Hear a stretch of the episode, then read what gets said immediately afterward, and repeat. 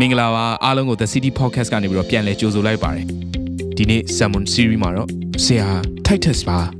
စိတ်နှလုံးတကားကိုဖွင့်ထားရင်သင်ရဲ့အသက်တာကိုကောင်းကြီးမင်္ဂလာဖြစ်စေမယ်ဖခင်သခင်ရဲ့နှုတ်ကပတ်တော်ကိုအတူတူဝခံယူကြရအောင်ခင်ဗျာ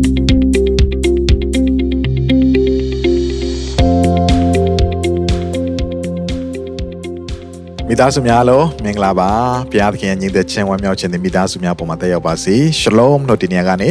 ကျွန်တော်နှုတ်ဆက်ပါတယ်ကိုယ့်ရဲ့ဘေးနားမှာရှိတဲ့မိသားစုများရှိခဲ့မယ်ဆိုရင်လည်းပဲအာလှည့်ပြီးတော့မှရှလုံးလို့နှုတ်ဆက်ပေးပါဦးတကယ်ပဲဝမ်းသာပါတယ်ဒီလိုခက်ခဲတဲ့အချိန်ကာလအတွင်းမှာဖခင်ရဲ့မျက်မှောက်တော်မှာကျွန်တော်တို့အတူကဆူယုံပြီးတော့နော် online ကနေတစ်စင်နှုတ်ကပတ်တော်ခံယူနေရတာဒါဖခင်ရဲ့ကျေးဇူးတော်ဖြစ်ပါတယ် ဆိုတော့ဘလို့အခြေအနေမျိုးမှာဖြစ်ဖြစ်ပါကျွန်တော်ယုံကြည်သူဆိုတဲ့ຢာသည်ဖျားသခင်နဲ့တူမိတ္တရာဖွဲ့ဖို့နှုတ်ကပတ်တော်ခံယူဖို့နော်ဒီဟာကကျွန်တော်မပြတ်မကွယ်လှုပ်ဆောင်မရဖြစ်တယ်။ကနဦးယုံကြည်သူများသည်လည်းအသင်းတော်တည်ထောင်တဲ့ကာလမှာနော်ကြီးမားတဲ့နှိမ့်ဆက်ညှဉ်းပန်းမှုတွေလာတော့ညာလည်းပဲနော် တယောက်နဲ့တယောက်မိသားဖွဲ့ခြင်းမပြတ်ဘဲနဲ့ဆူတောင်းခြင်းမပြတ်ဘဲကျေးဇူးတော်ချီးမွမ်းခြင်းမပြတ်ဘူးနော်နှုတ်ကပတ်တော်ခံယူခြင်းမပြတ်ဘဲနဲ့အာအသင်းတော်အရှင်ုံနဲ့တိုးပွားနေတယ်ဆိုတော့တွေ့ရတယ်ဆိုတော့ကျွန်တော်တို့ရဲ့အသက်တာထဲမှာလည်းပဲအချင်းတွေခက်ခဲခြင်းတွေကိုကျွန်တော်တို့ကဒါ excuse ပေးရမှာမဟုတ်ပါဘူးအကြောင်းပြချက်ပေးရမှာမဟုတ်ပါဘူးကျွန်တော်တို့ရှိနေတဲ့အနေအထားမှာဘုရားသခင်ရဲ့ရှေ့မှာမသစ္စာရှိစွာနဲ့မျက်မှောက်တော်ထဲမှာတိုးဝင်ရင်းနဲ့နှုတ်ကပတ်တော်ခံယူရမှာကျွန်တော်တို့ရဲ့မဖြစ်မနေလုပ်ရမယ်မပြောင်းကွယ်လုပ်ရမယ်အရာဖြစ်ပါတယ်မိသားဖွဲ့ခြင်းမှုရအောင်မရှောင်လွဲဝင်ရလို့ငါအားလုံးကိုကျွန်တော်ဒီနေ့ကနေထလောင်နှုတ်ဆော်လိုပါတယ်ဆိုတော့ယုံကြည်သူတွေဒီတော်တွင်မှာမိသားစုတွေကသစ္စာရှိစွာနဲ့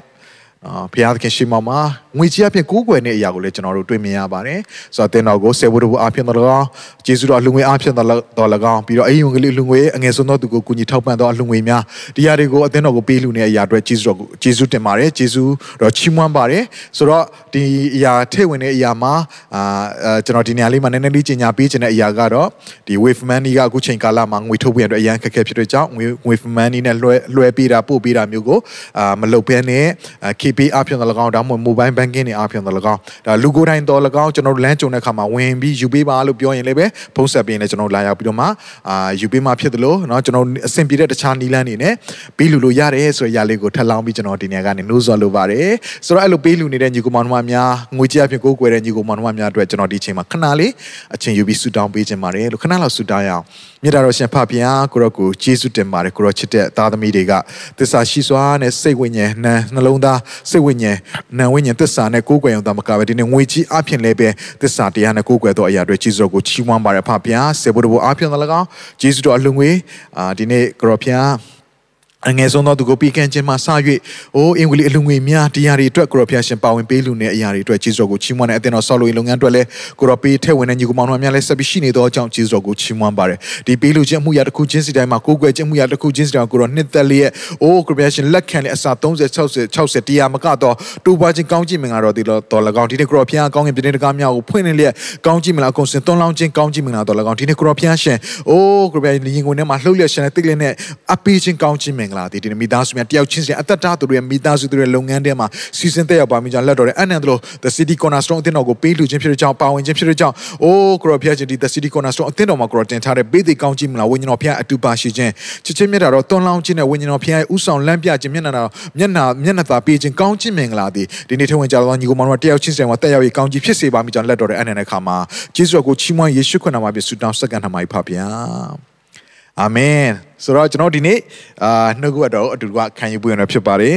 ဒီနေ့ပြင်ဆင်တိုင်းနှုတ်ကပတ်တော်ကအရှိန်တကူပါလေဟာလေလုယအရှိန်တကူပါလေဆိုတဲ့ကောင်းစရာအပြင်ကျွန်တော်ဝေငါသွားခြင်းပါတယ်အဲဒီဟာအဖြစ်နဲ့ဘုရားသခင်ကျွန်တော်တို့ဘာစကားပြောမလဲဆိုတဲ့ຢာကိုနှလုံးသားဖွင့်လျက်ကြည်ညိုသောစိတ်ကြည်ဖြူသောစိတ်နဲ့နှုတ်ကပတ်တော်ကိုနှိမ့်ချစွာခံယူရအောင်ယေဇကျေလအနာဂတ်ကျမ်းခန်းကြီး1အငယ်လေးကိုကျွန်တော်ဖတ်ချင်ပါတယ်ရှေးဥစွာ ငါကြည့်ရှု၍ပြင်းစွာသောလေကြီးစွာသောမိုးတိမ်ထွန်းလင်းသောမိဆက်သည်မြောက်မျက်နှာမှပေါ်လာ၏မိဆက်ထက်ကဟရှမေလရွှေရောင်ထွက်လေ၏ဆိုတော့ဒီနေ့မှာတွေ့ရလေပြင်းစွာသောလေကရောက်လာတယ်ကြီးစွာသောမိုးတိမ်ပေါ်လာတယ်ထွန်းလင်းတဲ့မီးဆက်ကမီးဆက်ဆိုတဲ့ခါမှာဒါ lightning ပေါ့နော်ဒါအာလျှက်စီးပေါ့လျှက်စီးလက်တဲ့မိုးကြိုးဖြစ်တယ်အဲ့ဒါကမြောက်မျက်နှာပေါ်ကနေပေါ်လာပြီးတော့မှမီးဆက်ထဲကနေပေါ်မှာဟေရှမေလရွှေအောင်ထွက်တယ်အဲ့တော့ဒီຢာတွေထွက်မလာခင်မှာအရင်ဦးဆုံးအစပြုတဲ့ຢာကဒါမုံတိုင်းဖြစ်တယ် ပြင်းစွာသောလေလေမုန်တိုင်းအင်္ဂလိပ်ကျမ်းစာထဲမှာ stormy wind လို့သုံးထားတယ်မုန်တိုင်းကဲ့သို့သောလေတိုက်ခတ်မှုအဲ့တော့ဒီနေ့နော်အရှိန်တကိုးပါလျက်ဆိုတဲ့ခေါင်းစဉ်အောင်မှာကျွန်တော်လေမုန်တိုင်းနဲ့သက်ဆိုင်တဲ့အရာလေးကိုကျွန်တော်ပြောပြခြင်းတယ်အဲ့တော့လေမုန်တိုင်း storm ဆိုတဲ့အရာမုန်တိုင်းဆိုတဲ့အရာကတကယ်ကြီးမားတဲ့အရှိန်ပါသောလေတူကြီးဖြစ်တယ် နော်အဲ့ထဲမှာမိုးမိုးရေတွေပါမယ်ဒါနှင်းမုန်တိုင်းဆိုလဲနှင်းတွေပါမယ်အဲနောက်မိုးကြိုးပြစ်တဲ့အရာတွေလျှက်စီးလက်တဲ့အရာတွေဟောကြီးစွာသောနော်သဲတွေဖုန်တွေလည်းပါမယ်ဆိုတော့ဒီလေမုန်တိုင်းလာပြီဟေ့ဆိုရင်လေမုန်တိုင်းဆင်းလာတဲ့တခြားမှာလမ်းတစ်လျှောက်မှာရှိတဲ့အတားအဆီးတွေနော်အိမ်တွေဒီအကုန်လုံးကပြိုပြက်သွားပြီးတော့မှအကုန်လုံးကွဲလွင့်သွားတယ်အကုန်လုံးကဖျက်ဆီးခြင်းခံရတယ်နော်ရှင်းလင်းခြင်းဖျက်ဆီးချိန်မွာခြင်းကိုခံရတယ်ဆိုလေမုန်တိုင်းဆင်းကြွလာပြီဟေ့ဆိုရင်ဘေးရာကမှမခံမရနိုင်ဘူး အခုတလောမှာနော်မြန်မာနိုင်ငံကလေမုန်တိုင်းအဖျားခတ်သွားတော့မှတော်တော်လေးခံရပါတယ်။အဲအိန္ဒိယဘက်ကိုဥတီပြီးလေမုန်တိုင်းကရောက်သွားတယ်။မြန်မာနိုင်ငံလွတ်သွားတယ်။ဒါပေမဲ့ကန်ယူရန်တစ်လျှောက်မှာရခိုင်ကန်ယူရန်မှာရှိတဲ့ဒါစစ်ဘေးရှောင်ဒုက္ခသည်တွေဒီအင်ဂျီတွေ250 300လောက်ကပျက်စီးသွားတယ်ဆိုတဲ့သတင်းကိုကျွန်တော်ကြားရတယ်။ဟောအိန္ဒိယနိုင်ငံမှာဆိုတော့အကြီးကျယ်ပျက်စီးယိုယွင်းခြင်းဖြစ်ဖြစ်တယ်။နော်ဆုံးရှုံးခြင်းတွေဖြစ်တယ်။ဆိုတော့မုန်တိုင်းတစ်ခုရောက်လာပြီဟေ့ဆိုရင်ဒီနေရာလေးမှာအဲ့ဒါလေးကိုကျွန်တော်နော်ပြောပြခြင်းတယ်။မုန်တိုင်းတစ်ခုရောက်လာပြီဟေ့ဆိုရင် သူမုံတိုင်းရောက်လာတဲ့လမ်းတစ်လျှောက်ကအကုန်လုံးဖယ်ပေးရတယ်အကုန်ဖြက်စီးရတယ်အကုန်ရှင်းနေတာအကုန်လုံးချိန်မွားပြစ်တာဘာမှမတားဆီးနိုင်ဘူးဘေးကမှမစီတားနိုင်ဘူးချမ်းစာထဲမှာဖယားသခင်ကမုံတိုင်းကိုဆေလွတ်တယ်လို့ပြောတယ်ဖယားသခင်ကိုယ်တိုင်ကမုံတိုင်းထဲကနေဆင်းကြွလာတယ်ဆိုတဲ့ຢာလေးကိုတွေ့ရတယ်ကျွန်တော်ကျမ်းစာတွေဖတ်ကြည့်အောင်နော်ယေရမိအနာဂတိကျမ်းအခန်းကြီး23အငယ်19ထရဖျားဤလေဝေတော်သည်ပူသောအရှိန်နှင့်ထွက်၏ ပြင်းစွာသောလေပွေဖြစ်၍မတရားသောသူတို့ခေါင်းပေါ်မှာပြင်းစွာတိုက်လိမ့်မည်ဘုရားသခင်ရဲ့လေဝေတော်တဲ့နော်တကယ်မုံတိုင်းကနော်ဟိုလေးစင်းနှမောင်းလို့ပေါ့ပူသောအရှိန်နဲ့ထွက်လာပြီးတော့မှမတရားသောသူတွေပေါ်မှာတိုက်ခိုက်မယ်လို့ပြောတယ် နောက်အငင်း20မှာဆက်ပြီးဖတ်မယ်ဆိုရင်ထောရဖျားကြီးလက်ဆသက်၍အကြံစီတော်ကိုပြည့်စုံတော်မမှုမီအမျက်တော်မငြိမ်းရနောင်ကာလ၌တင်တို့သည်ရှင်းလင်းစွာနားလေကြလိမ့်မည်စာလံကျမ်းခန်းကြီး80တော်အငယ်14 15မှာပေါ့တွေ့ရလဲဆိုရင်တောကိုမိရှို့တကဲ့သို့၎င်းတောင်ပေါ်မှာမီးလောင်တကဲ့သို့၎င်းထိုနည်းသူမိုးသက်မုန်တိုင်းတော်အဖျင်သူတို့ကိုညှင်းဆဲ၍ပြင်းစွာသောလေတော်အဖျင်ချောင်းလန့်တော်မူပါလို့ဆုတောင်းချက်နော်ဒီဟာလေးကိုတွေ့ရတယ်ဆိုတော့ဆူတောင်းတဲ့ခါမှာဆာလန်ဆီယာကမိုးသက်မုန်တိုင်းအဖြစ်ပြင်းစွာသောလေအဖြစ်သူတို့ကိုခြောက်လန့်ပါတဲ့ ဒါဆိုရင်မိုးသက်မုန်တိုင်းရောက်လာပြီဟဲ့ဆိုရင်ရန်သူတွေကထွက်ပြေးရတယ်ကြောက်လန့်ရတယ်လူတွေကခြောက်ချားရတယ်တုန်လှုပ်ရတယ်အင်မတန်ကြောက်ဖို့ကောင်းတဲ့လေမုန်တိုင်းနာဟောနာဂတိကျန်ခန်းကြီး1အငယ်3မှာဗာတွေ့ရလဲဆိုရင်ထရဖျားသည်စိတ်ရှိတော်မူ၏ထရဖျားစိတ်ရှိတဲ့ဖျားဖြစ်တယ်တကိုးလည်းကြီးတော်မူ၏ သူရာတွင်အပြစ်တီသောသူတို့ကိုအပြစ်မှလွတ်တော်မမူထာဝရဘုရားသည် လေပွေ၌၎င်းမိုးသက်မုန်တိုင်း၌၎င်းကြွတော်မူ၍မိုးတိမ်တို့သည်ဆက်တော်အောင်၌မြေမှုန့်ကဲ့သို့ဖြစ်ကြ၏ဘုရားသခင်ဆင်းကြွလာပြီဆိုရင်နော်မိုးတိမ်တွေကမြေမှုန့်လိုပဲအကုန်လုံးလွင့်ထွက်သွားတာကွဲလွင့်သွားတာနော်မိုးသက်မုန်တိုင်းထဲမှာဘုရားသခင်ကြွတယ် ဒါဆိုရင်ဘုရားခင်ဒီလေမုန်တိုင်းကိုပြင်ဆင်သောဘုရားဖြစ်ုံသာမကဘဲနဲ့သူကိုယ်တိုင်ကမုန်တိုင်းဖြစ်တယ်လို့ပြောလို့ရတယ်။ तू ရောက်တဲ့ရက်မှာမုန်တိုင်းကပါလာတယ်။ဒါဆိုရင်ဘုရားဆိုတဲ့သဘောတည်းက तू ဆင်းကြွတဲ့ရက် तू လှုပ်ရှားတဲ့ရက် तू ရောက်လာပြီဟဲ့ဆိုရင်ဘယ်အစီတာအခုခံကမှသူ့ကိုကာစီထားလို့မရဘူးပိတ်ထားလို့မရဘူးအကုန်လုံးချိန်မွပျက်စီးရတယ်လွင့်ထွက်သွားရတယ်။အိုးအကုန်လုံးလမ်းကရှင်းသွားတာဖြစ်တယ်။ဟာလေလုယာ။ချစ်တော်ညီကောင်မတော်သင်နဲ့ကျွန်တော်ဒီလေမုန်တိုင်းကိုတည်ဆောင်တော်သူဖြစ်တယ်။ ဟာလေလုယာဘုရားခင်ဒီမုန်တိုင်းဖြစ်တဲ့ကဲ့သို့သင်ဒီလဲကျွန်တော်ဒီလဲမုန်တိုင်းဖြစ်တယ်။ဘာကြောင့်လဲသင်နဲ့ကျွန်တော်ဒီဘုရားခင်ရဲ့သားသမီးဖြစ်တယ်။ဘာကိုဆိုလိုချင်တာလဲညီကောင်မတို့သင်အသက်တာအဖြစ်ကြီးစွာသောမုန်တိုင်းဒီဒီမြေကြီးပေါ်တက်ရောက်လာပြီ။လေတူထဲမှာကာစီးထားတဲ့ပိတ်မှောင်ထားတဲ့စာတန်ရဲ့မြို့ရိုးမြို့ပြအတားအဆီးတွေအကုန်လုံးကို ဖယ်ရှားပြီးတော့မှဖျားသခင်လေထုနဲ့ဖျားသခင်တကိုးတော်နဲ့ဖြစ်ပွင့်ရလို့ကသင်ကိုဒီလောကထဲမှာထားတာဖြစ်တယ်ဘုရားနာမတော်ဘုန်းကြီးပါစေဟာလေလုယာဒါကြောင့်အဲ့ဒီလေပြင်းစွာသောမိုးသက်မုန်တိုင်းကလေထုထဲမှာပေါ်ပေါက်လာဖို့ဘယ်အချိန်မှာပေါ်ပေါက်လဲ သင်ဆူတောင်းတဲ့အခါမှာဘလို့ဆူတောင်းတဲ့အခါမှာလဲအရှိန်ပြင်းစွာနဲ့အရှိန်ကြီးစွာနဲ့ဆူတောင်းတဲ့အခါမှာကြီးစွာသောလေမုန်တိုင်းလေတူထဲမှာတက်ရောက်လာတယ်အဲ့ဒီຢာကမြင်ရတဲ့မျက်စိနဲ့မြင်ရတဲ့လေမုန်တိုင်းကိုပြောချင်တာမဟုတ်မမြင်ရတဲ့မျက်စိနဲ့မမြင်ရတဲ့နေနေပယ်ထဲမှာဝိညာဉ်နေပယ်ထဲမှာကြီးစွာသောလေမုန်တိုင်းတက်ရောက်လာတယ်ဆိုတာကိုဘုရားသခင်ကစံစာအပြင်သိစေချင်တာဖြစ်တယ်ဒံယေလအနာဂတိကျမ်းခန်းကြီး9ကနေ9ထဲမှာဘုရားသခင်ဒံယေလကို ယူပါယုံတွေတစ်ခုပြီးတစ်ခုပေါ်ပြတယ်။တိုင်းနိုင်ငံတွေတစ်ခုပြီးတစ်ခုပေါ်ပေါက်လာမယ့်အရာနဲ့အင်ပါယာတွေပေါ်ပေါက်လာမယ့်အရာတွေနဲ့ပတ်သက်ပြီးဘုရားသခင်ကဒံယေလကိုအိမ်မက်ယူပါယုံနော်ယူပါယုံကိုပေးတယ်။မြင်တွေ့စေတယ်။ဣသရေလတိုင်းနိုင်ငံနဲ့ပတ်သက်တဲ့အကြောင်းအရာလည်းပါလာတော့ဒံယေလနှလုံးသားထဲမှာမခံစားနိုင်တော့ဘူးအရန်ကြိုးပဲ့ကျင်သွားတယ်ခြေခွဲဝမ်းနဲ့ပလက်ဖြစ်ပြီးတော့မှအစာရှောင်ပြီးအာမဖြစ်တော့ဘူးငါလူမျိုးတွေငါရဲ့နိုင်ငံတွေဆူတောင်းရတော့မယ်ဆိုပြီးအချိန်ပါပြီးတော့မှတော့ငိုကြွေးအော်ဟစ်ပြီးဆူတောင်းတဲ့ခါမှာချက်ချင်းပဲ ဂါပြေလကောင်းကင်တမန်ဂါပြေလကသူရှိတဲ့ရက်ကိုအရှိန်ဟုန်နဲ့ရောက်လာတယ်တဲ့အလင်းမြန်ရောက်လာတယ်လို့ကျမ်းစာကဖော်ပြလာတယ်နော်အာဒန်ယေလအနာဂတ်ဂတိကျမ်းအခန်းကြီး9အငယ်20ကနေ23မှာတွေ့ရတယ်နော်ဖတ်ကြည့်ပါကိုပါကိုဒီနေရာမှာတော့ကျွန်တော်မဖတ်တော့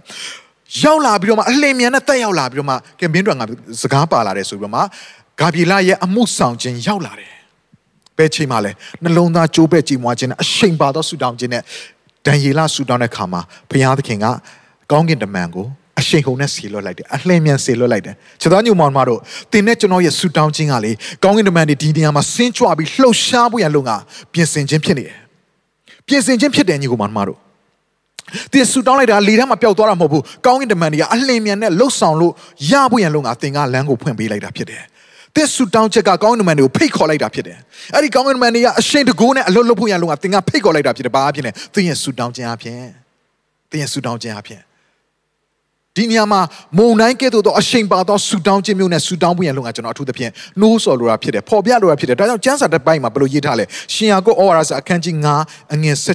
16အချင်းချင်းတယောက်နဲ့တယောက်ကိုပြစ်ကိုဖော်ပြတောင်းပန်ကြလော့ချမ်းသာရမည်အကြောင်းအချင်းချင်းတို့အဖို့ဆူတောင်းကြလော့သူတော်ကောင်းဆူတောင်း၍အရှိန်ကြီးသောပထနာသည်အလွန်တကိုးပါ၏ဟာလေလုယသူတော်ကောင်းဆူတောင်း၍တဲ့အရှိန်ကြီးသောပထနာလို့ဒီနေရာမှာရေးထားပါတယ်လေပြင်းမုန်တိုင်းကဲ့သို့သော မုံတိုင်းကြသလိုအရှိန်အဟုန်နဲ့ဆူတောင်းတတ်တဲ့အရှိန်ကြီးသောပတ္ထနာပါဖြစ်စေလေတကူပါစေတယ်အရှိန်ကြီးသောပတ္ထနာဆိုတဲ့အရာကအိုးငြိမ်ငြိမ်သက်သက်နဲ့စိတ်ထဲကနေဆူတောင်းတဲ့ဆူတောင်းချက်မျိုးမဟုတ်တော့ဘူးနှုတ်ကနေထွက်ပြီးတော့မှတစုံတစ်ခုတော့ဝင်တင်ပြီးနှလုံးသားကျိုးပဲကြေမွခြင်းနဲ့အိုးဒီလိုမဖြစ်မရတော့ဒီလိုမလို့မရတော့ဘူးဆိုတဲ့ပြင်းပြင်းထန်တဲ့အသေးအတန်နဲ့အော်ဟစ်ပြီးဆူတောင်းတဲ့ဆူတောင်းချက်မျိုးကိုအရှင်ကြီးသောပတ္ထနာလို့ဖော်ပြခြင်းဖြစ်တယ် တိတ်ဆိတ်ငြိမ်သက်စွာနဲ့ဆူတောင်းခြင်းမဟုတ်မဟုတ်တော့ဘူးဘယ်အချိန်မှကျွန်တော်တို့နော်အော်ဟစ်ပြီးတော့မှအရှိန်ပါပြီးဆူတောင်းနိုင်တယ်လေနှလုံးသားထဲမှာပြင်းပြင်းထန်ထန်ခံစားလာရပြီဆိုရင်ခုနကဆူတောင်းချက်မျိုးထွက်လာတယ်စဉ်းစားကြည့်ပါ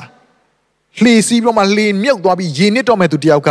စိတ်ထဲကနေကိုရောကဲပါဆိုတာမျိုးမရှိတော့အမလေးကဲကြပါအမလေးကဲပါတစုံတယောက်ကူညီနော်ရဖို့ရလုံငါရှိသမျှသောအာရင်ထုတ်ပြီးအတန်ညှစ်ထုတ်ပြီး အော်ဟစ်ပြီးတော့မှအကူညီတောင်းခံရတဲ့ပုံရိပ်လေးကိုသင်မြင်မြင်အောင်ကြည့်ပါအရှင်ကြီးသောပတ္ထနာဆိုအဲ့ဒါကိုပြောခြင်းဖြစ်တယ်တစုံတစ်ခုတည်းကိုတော့မလှုပ်ရှားရင်မရတော့ဘူးကိုတော့မပိုင်ရင်မရတော့ဘူးကိုတော့မလှုပ်လို့မရတော့ဘူးနော်ဆိုတဲ့အရာကိုနှလုံးသားတွေကပြင်းပြင်းထန်ထန်ခံစားပြီးတော့မှကလေးမွေးဖွားမဲ့မိခင်တယောက်ကဲ့သို့သောနာကျင်ခြင်းမျိုးနဲ့အော်ဟစ်ပြီးဖြစ်ညစ်ပြီးတော့မှ အော်ဟစ်ဆူတောင်းတဲ့နှုတ်ကနေထွက်လာတဲ့ဆူတောင်းချက်ကအရှင်ကြီးသောပဒနာဖြစ်စေရဲ့အဲ့ဒါကမုန်တိုင်းကဲ့သို့သောဆူတောင်းချက်မျိုးဖြစ်တယ်ဟာလေလုယအဲ့လိုဆူတောင်းပြီးဆိုရင်ဘုရားသခင်လက်တော်ကလှုပ်ရှားလာတယ်ငြိမ်ငြိမ်စိနေလို့မရတော့ဘူးကောင်းရင်တမန်နေငြိမ်ငြိမ်စိစိနေလို့မရတော့ဘူးအလင်းမြန်သင်ရှိတဲ့အရက်သင်ဆူတောင်းတဲ့အရက်ကိုစဉ်းသက်လာပြီးတော့မှလှုပ်ရှားခြင်းကနေပေထဲမှာနော်ဝိညာဉ်နေပေထဲမှာဖြစ်ပျက်လာတယ်ဟာလေလုယအာမင်တမန်တော်ခန်းကြီးနှစ်ထဲမှာ တရားနဲ့ဆက်သောတပည့်တော်ပေါ်မှာတန်ရှင်းသောဝိညာဉ်တော်ဘုရားဆင်းကြွလာတာကလေမုန်တိုင်းကဲ့သို့ဖြစ်တယ်တဲ့လေမုန်တိုင်းကဲ့သို့သောအရှိန်နဲ့အခန်းကိုဖြည့်တယ်တယောက်ချင်းစီတိုင်းကအခြားသောဘာစကားမျိုးမျိုးသောဘာသာစကားနဲ့အိုးဆူတောင်းတဲ့အခါမှာအဲ့ဒီဆူတောင်းချက်ကဘယ်လောက်တောင်အရှိန်ပါလဲသိလားမုန်တိုင်းကဲ့သို့သောအရှိန်တက်ရောက်လာတဲ့ဝိညာဉ်တော်ဘုရားရဲ့ကုညီမဆာခြင်းနဲ့ဆူတောင်းတဲ့အရာကဘယ်လောက်တောင်အရှိန်ကြီးသလဲဆိုရင်တမျိုးလုံးကိုလွှမ်းသွားတယ်ဆူတောင်းတန်ကဟာလေလုယာတမျိုးလုံးကိုလွှမ်းသွားတယ် စဉ်းစားကြည့်ပါနှစ်ယောက်စကားပြောနေလက်ဖေးဆိုင်မှာစကားပြောနေတဲ့စကားပြောနေတဲ့အရာပေါ်မှာဆူတောင်းတဲ့အတန်ကလွှမ်းသွားတယ်ဈေးထဲမှာဈေးအောင်ဈေးဝယ်လုပ်ပြီးဆူညံပွဲလို့ရိုက်နေတဲ့အတန်တွေကိုပင်လင်ဆူတောင်းတဲ့အတန်ကလွှမ်းသွားတယ် အိမ်မှာပွဲလုံနေတဲ့အရာတွေပေါ်မှာလဲဆူတောင်းတဲ့ကလွှမ်းသွားတယ်။တမျိုးလုံးကိုဆူတောင်းတဲ့အတန်ကလွှမ်းသွားလောက်တဲ့ထိကိုအရှိန်ကြီးသောဆူတောင်းချက်နဲ့ဆူတောင်းခြင်းမျိုးနဲ့တပည့်တော်တွေဆူတောင်းတယ်။အဲ့လိုဆူတောင်းတဲ့ကဘာဖြစ်လဲ။တမျိုးလုံးကလူတွေကရောက်လာကြတယ်။ဟာဘာတန်နေလဲဆိုပြီးရောက်လာကြတယ်။အဲ့ချိန်မှာလူ9000ပြောင်းလဲတယ်လူ3000ပြောင်းလဲတယ်။ဟာလေလုယာ။အရှိန်ပါသောဆူတောင်းခြင်းနဲ့ဆူတောင်းခြင်းကကြီးမားသောလေထုကိုပြောင်းလဲစေပြီးတော့မှလေထုကိုကြီးမားစွာပြောင်းလဲစေပြီးတော့မှ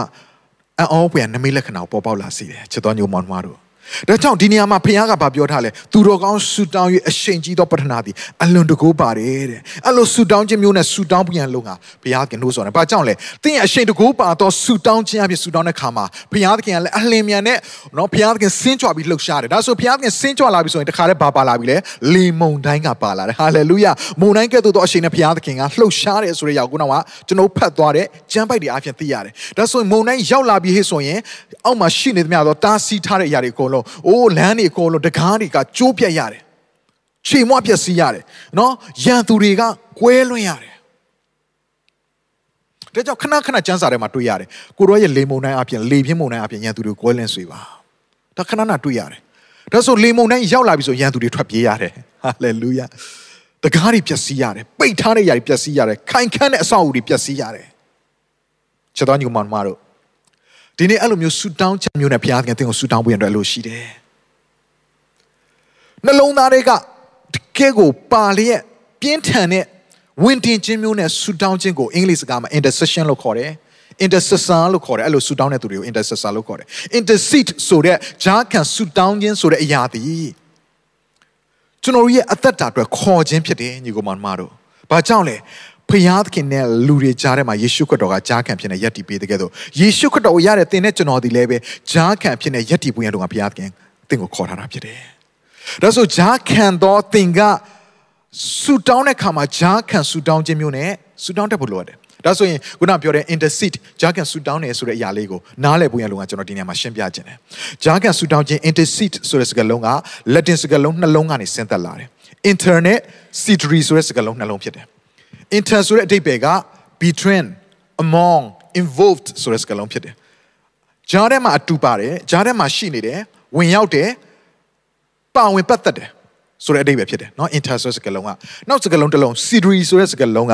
ဘယ်လိုရေးထားလဲဆို to yield to go to move เนาะ or hit ဖို့လှုပ်ရှားဖို့သွားဖို့ပြီးရင်နောက်တစ်ခုကဘာတွေ့လဲဘာတွေ့ရလဲဆို to pay the price of တစုံတစ်ခုသောအဖို့ခကိုပြီးခြင်းအဖြစ် လှုပ်ဆောင်ခြင်းတစုံတစ်ခုအဖို့ခပေးရမယ်ဆိုလဲပေးတဲ့အရာမျိုးအဲ့တော့ internet cedry ဒီစကားလုံးနှလုံးပေါင်းလိုက်ရင်ဘာရလဲဆိုရင်နှစ်ဦးနှစ်ယောက်ရဲ့ဂျားထဲမှာဝင်ရောက်ပြီးတော့မှယက်တီပေးခြင်းအော်ဟစ်ပေးခြင်းအတနာခံခြင်း